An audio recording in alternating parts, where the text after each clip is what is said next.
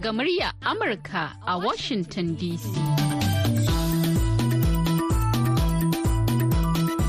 Masu sauraron mu Assalamu alaikum barkanmu da wannan lokaci. Shirin yau da gobe ne kuke saurara daga nan sashen Hausa na murya Amurka a birnin Washington DC.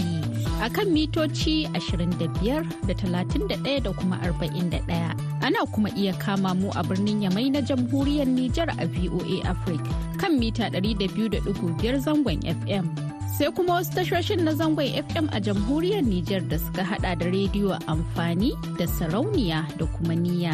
A can kuma sai ƙasar Ghana kuma za a iya kama mu ta Alfa Radio.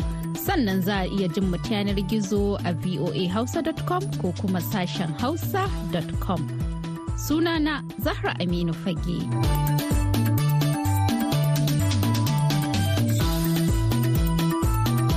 Alhamis ɗaya ga watan Fabrairu na shekarar 2024.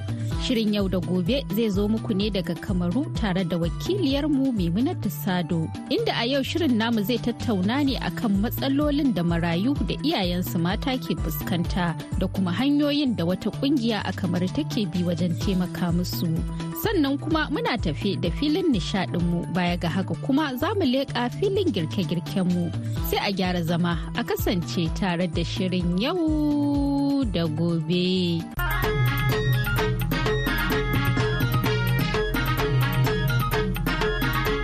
Assalamu alaikum wa rahmatullahi barkatu barka masu sauraron mu a yau dai muna cikin shirin yau da gobe kamar yadda a yaushe zani je na wato tattauna da wasu mata waɗanda suke da ƙungiyoyi da shugaba da mataimakiyarta. Za ku ji dai yadda ku biyo ni sau da kafa za ku ji yadda tattaunawar za ta kasance. Kuma za ni cewa wa'annan matar da su gabatar da kansu. Assalamu alaikum. Alaikum assalam rahmatullahi barakatuh. Na nace Hajiya Rukayya Abdullah. Kuma mu ne muke jagoran ƙungiyar maraya gina kansa wanda take taimakawa marayu su koyi sana'a kuma a tallafa musu su buɗe kansu kamar da sunan ƙungiyar yake. Masu sauraro muna yi muku gaisuwa da fatan alheri. Mara. Assalamu alaikum wa rahmatullahi wa barakatuh. Sunana Aisha Muhammad Awal. Ni ne mataimakiyar Hajiya Rukayya a cikin wannan ƙungiya mai suna Maraya ya gina kansa da kansa. Madalla godiya ta musamman ga wannan bayanin da kuka ba da. Na farko dai za na so na ji ta bakin wato ainihin shugaba malama rukaya kenan na ƙungiyar maraya ya gina kansa. Mai ya ja hankalin ke har kika wato kafa wannan ƙungiyar na taimakawa marayu? Wannan dai abin da ya ja ƙungiyar malamai muna shine dama can a cikin makarantar mu muna taimaka mu buƙata. Tare dala 20-20 kowane ranar laraba. Idan azumi ya kawo kai shi mu sai dan abinci dan tufafi mu raba ma mabukata da marayu. To muna cikin haka dai la da ikon sa da yan mako mutum ne shiga wani hali na rashin lafiya ba kuɗin biyan asibiti muna taimaka mu biya. A dala ishirin ishirin da taimakon Allah. To sai wata yar uwa ma ta shigo ta same mu sunanta Aisha ko take bata nan. Sai take ce ba abin da kuke to wanne za mu sa hannun mu mu tallafa mu dinga yin tare. Har jama'a su san wannan ƙungiya muka ce to gashi nan dai yadda muke ta kawo na da ra'ayi. Yaro na da makaranta ya kawo ra'ayin shi shi ma ba nemi suna muka ce sunan shi a gara ya gina kansa. Muka soma dai mu uku muka nemo a tsakanin ku kenan. Uku eh sannan mu muka nemo Aisha. Ita ma Aisha kenan ta zo. Na gaggaya mata muka gaya ma yan makaranta. Muka ce to yanzu mu cire daga yan makaranta mu koma maraya gina kansa. Amma kuma muna so kowane wata to biyar ga wata kowane wata mu ba da dala ɗari. To Allah da taimakon sa dai muna gaya musu kowa ya amince. Da kowane wata muna haɗa dala ɗari ɗari. Shekara na zagayowa muka ɗan samu abin da za mu ɗauki ma'aikata. Muka fara dai da marayu na ga guda biyar ku. Muka ɗauke su namiji je aikin makanikanci yan mata kuma suka je aikin ɗinki to Allah taimakon sa dai dan mata uku muka samu suka gama aikin.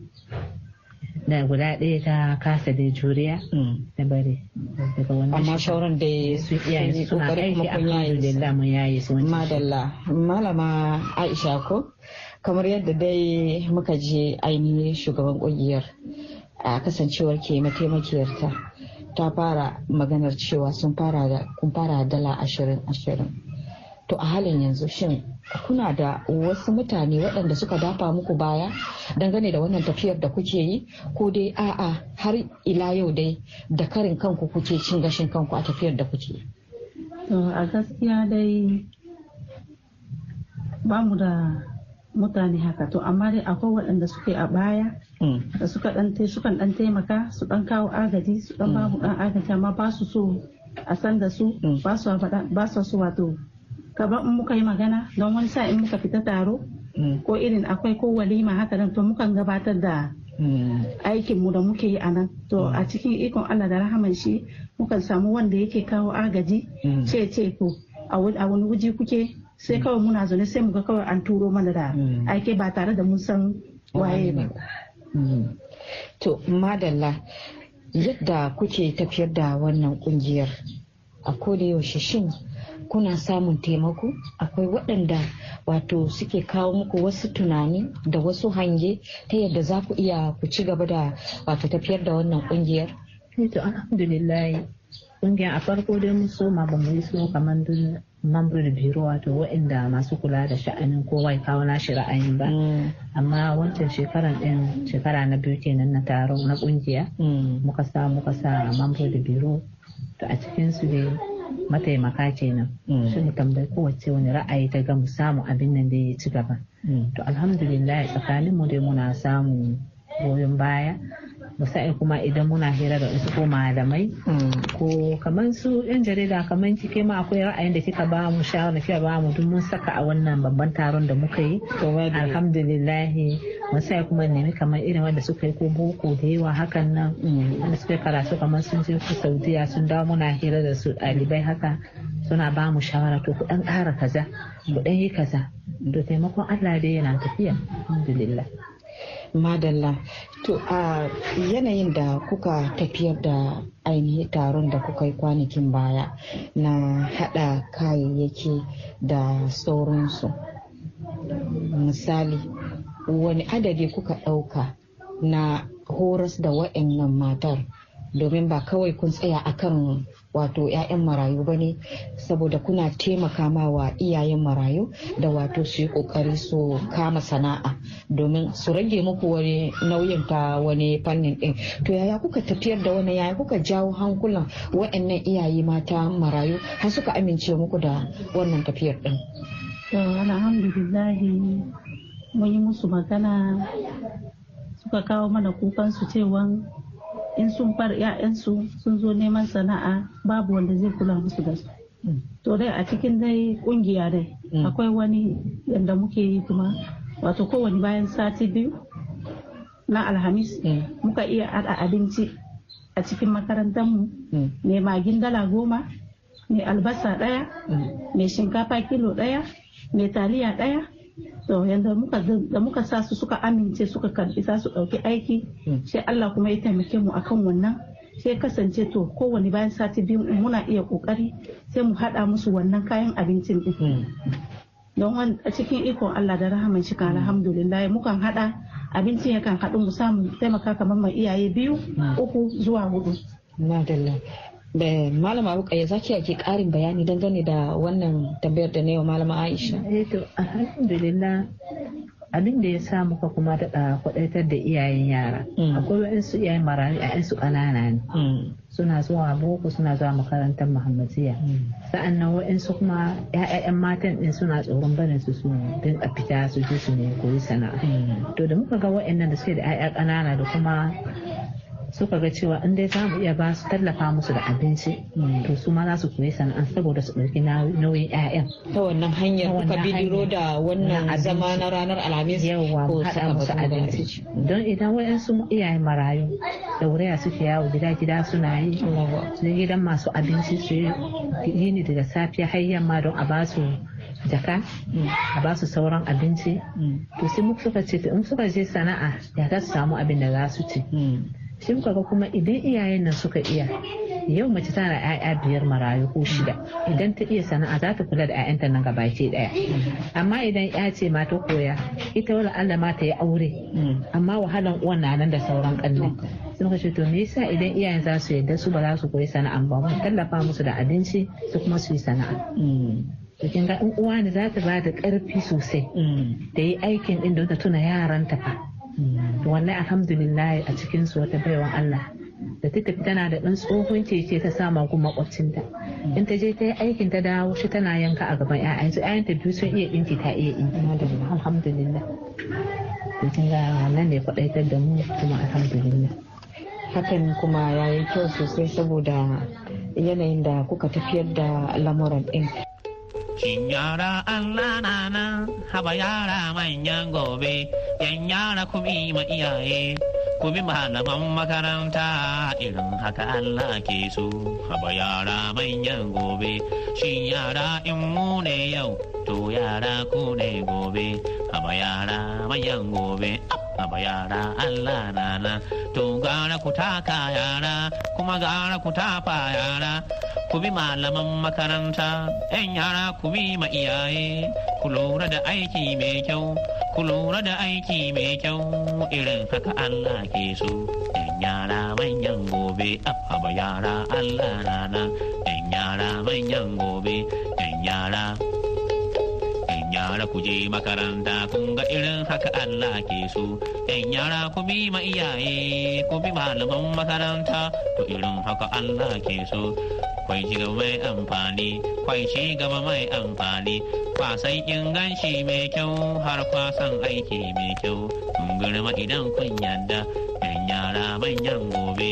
Haba yara allah na nan. Yan yara allah na nan. Haba yara manyan gobe.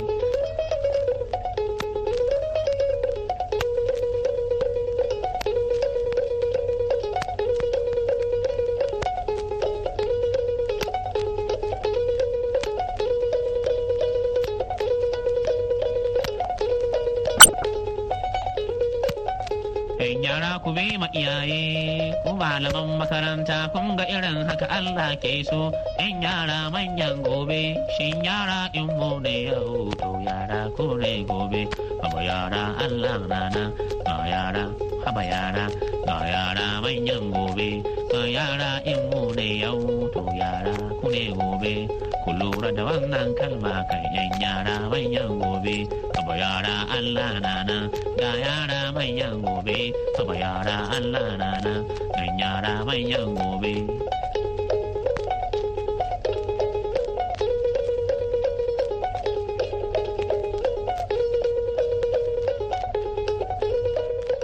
sauraro har yanzu dai kuna tare ne da sashen Hausa na murya Amurka a cikin shirin yau da gobe. Da fatan dai kuna jin daɗin shirin namu na yau sannan kuma kuna amfana. Yanzu kuma za mu koma zauren namu domin jin ci gaban tattaunawar. To malama Aisha yanzu ba ku ga cewa a yanayin da kuke tafiyar wasu lokutan yayin da misali idan kuka zama haɗa taro ba za ku ku gayyaci tunda ike mun san wayannan mutanen da kuka yaye kun biya musu ɗinkin ne. To mai yasa wasu lokutan da idan kuka yi zaman wato ainihin taron ƙungiya ba ku iya kiran wayanda suke da wannan sana'ar? Kamar sana'o'in da kuke buƙata wato ko sanya 'ya'yan marayu a ciki. Duk da cewa kowa yana son aikin lada ko ba haka ba. Mai yasa ba kwa gayyatar manya waɗanda suke da ma'aikata ko wato malaman makarantu ko kuma waɗanda suke da makaranta ko kuma waɗanda suke horas da batun maganar zancen ɗinki da su kasance tare da ku cikin wannan ƙungiyar saboda su ga abin da suke tafiyarwa ta yadda su a ce kowanne ka iya ɗaukan wato maraya guda ya horas da su ko kuma iyayen maraya. Ba ku yi wannan tunanin ba. Da farko dai ba mu yi wannan ba kuma ba mu saka su a ciki ba. Amma da yake taron mu mun kasance muna yin shi wannan ne dai muka yi babban taro da muka gayyaci kowa da kowa ya zo wannan taron. Amma na farkon da muka yi mun kasance mu ya mu ne to na biyun da muka yi ma mun kasance mu ya mu. To yanzu na uku nan da muka yi shine muka gayyaci kowa don akwai da yawa da ba su san me muke ciki ba. Akwai waɗanda suka sani. To a yanzu ma alhamdulillah a cikin mu yanda kika faɗa. To akwai waɗansu ma da suke da sana'o'in da suka kwaɗaita cewa za su ɗauki mana yara don su taimaka mana su ma su koya musu ba tare da mun biya ko dalar mu ba.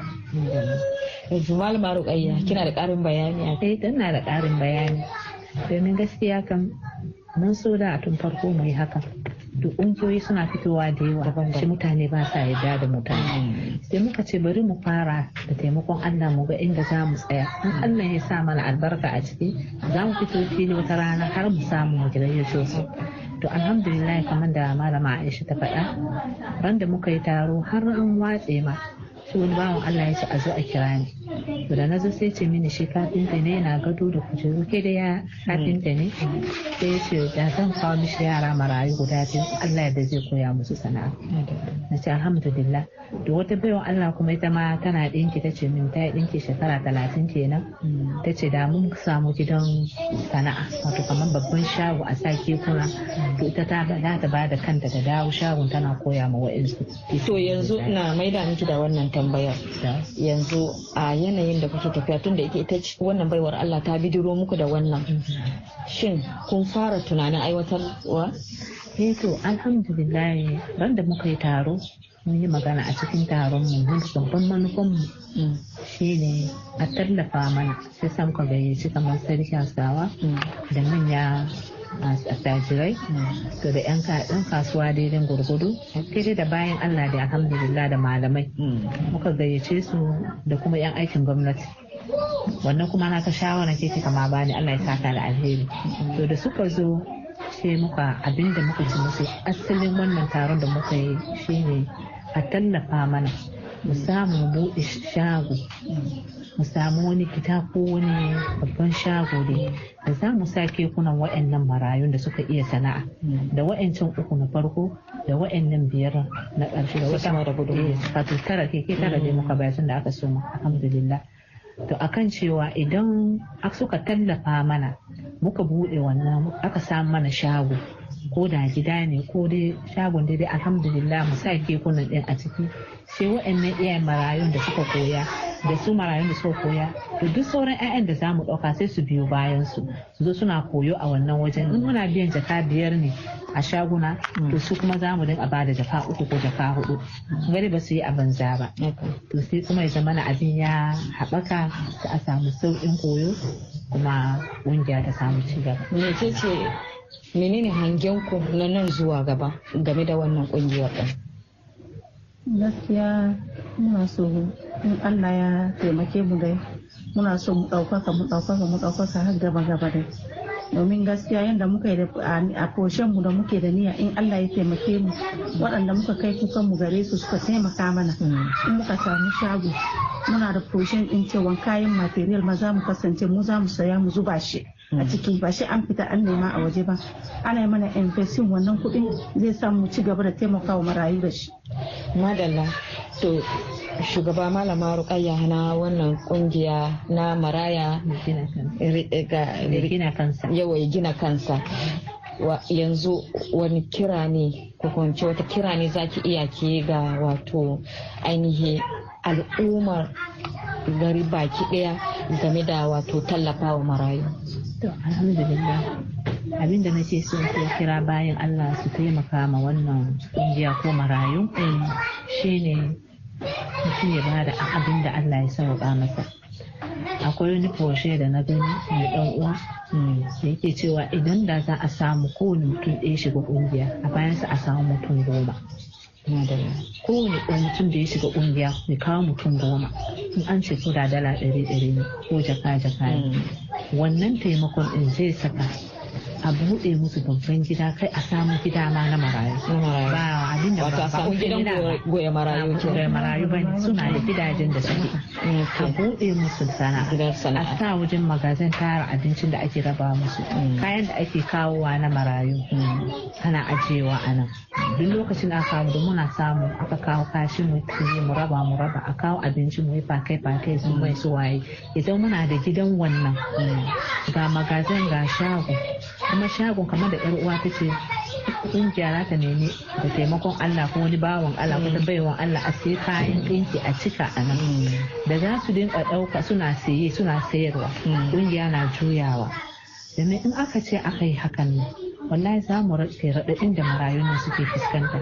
Domin yau muna saya musu keke mu koya musu sana'a. Amma waɗansu su biyar lungu ɗaya suke da shi.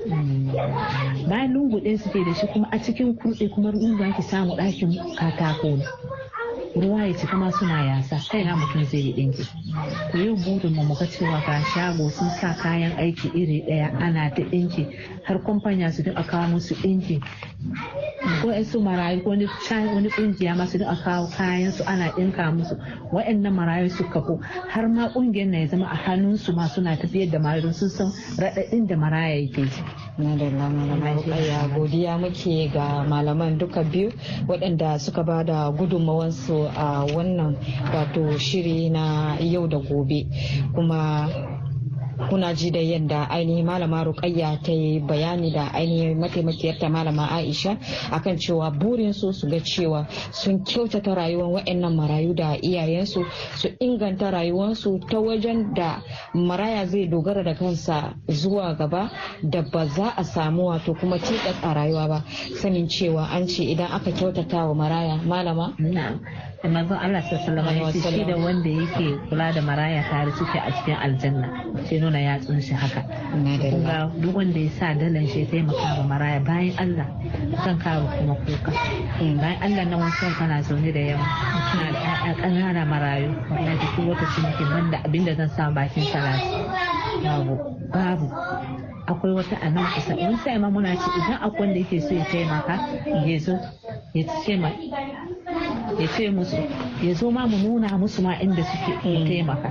Alhamdulillah mu magana ranar da da sarki wasa ya ce zai zo ba gaya ma masu hannu da shuni a gari.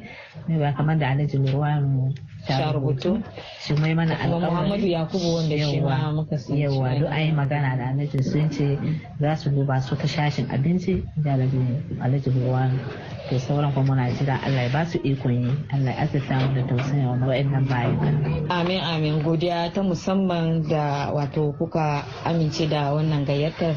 Allah isa kuma idan muka buƙace ku gobe za ku amince da wannan gayyatar din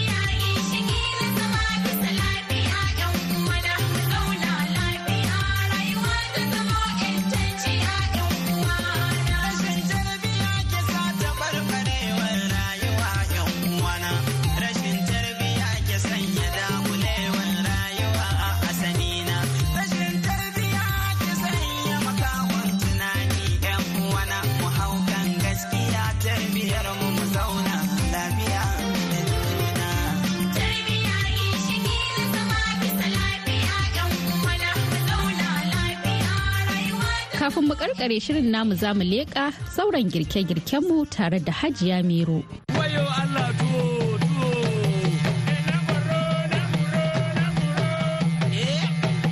To madalla a yanzu kuma za mu je mu saurari kwalaman yau daga bakin Hajiya Mero a can wato unguwar Makiya. Assalamu alaikum Hajiya Mero. Wa alaikum wa rahmatullahi wa barakatuhu Hajiya Maimunatu Sadu. A yau dai kwalaman da zana dafa shi ne miyan koko da tuwon gurka. Da farko dai na riga na sai kayayyaki na kamar ganye sharifiya da muke ci da shi kokon ɗin kenan. Ina bukatan gyada soyayyar gyada kenan a niƙa da kuma busheshen kifi da ganda da crayfish wanda muke kira nan da janga. Sai kuma ɗan tattasai da ɗan kanwa kaɗan. Tattasan nan barkono kenan. Ɗan magi da gishiri da albasa ya ji sosai. Shi kenan. Bayan zan tsaftace ganye na zan wanke sosai sai na tsane shi. Idan na tsane na ajiye a gefe sai na fara da yayyanka albasa. Bayan na yanka albasa na sosai sai na soya tare da kifi. Bushashen kifin din kenan. Idan na soya sai na ajiye a gefe sai na ɗauko niƙaƙƙen gyaɗa. Bayan na gama dagula niƙaƙƙen gyaɗa na a cikin ruwa sai na ɗora na tafasa shi sosai. Bayan ya tafasu sai na ɗauko ganyen sharifiyar ganyen kenan na zuba a wuta. Bayan na zuba sai na ɗauki ɗan kanwa kaɗan na jefa a ciki domin wannan kanwan ne zai ba da damar dafuwan ganyen kamar yadda nake buƙata sai na ɗauko bayan kanwa sai na ɗauko yanzu kifi na zuba a ciki da kuma ganda da kuma ɗauko gishiri sai kuma ɗan magi da crayfish na zuba a ciki janga kenan na zuba sosai domin a gaskiya shi yake ƙara zaƙin miya. Na kammala shi kenan na bashi ya nuna sosai bayan kamar minci talatin sai na sauke. Kana iya cin wannan miyan koko da da tuwon gurka kamar yadda na buƙata a yau. Da kuma bambaron da rogo da kuma garin kwaki tuwon garin kwaki ko kenan. Duka dai abin da ka buƙata kana iya ci da wannan da wannan miya na koko. A yau kwalamanmu na yau kenan hajiya maimuna. Salamu alaikum. Ni ce maimunatu sado muryar hausa na sashen voa a nan duwala a ƙasar kamaru.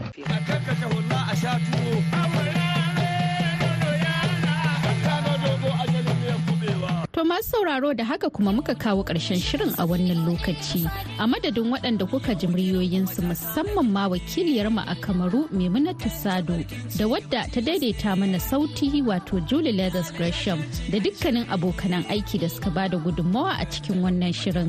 Ni Zahra Aminu Fage daga nan birnin Washington DC nake sallama da ku ku huta lafiya.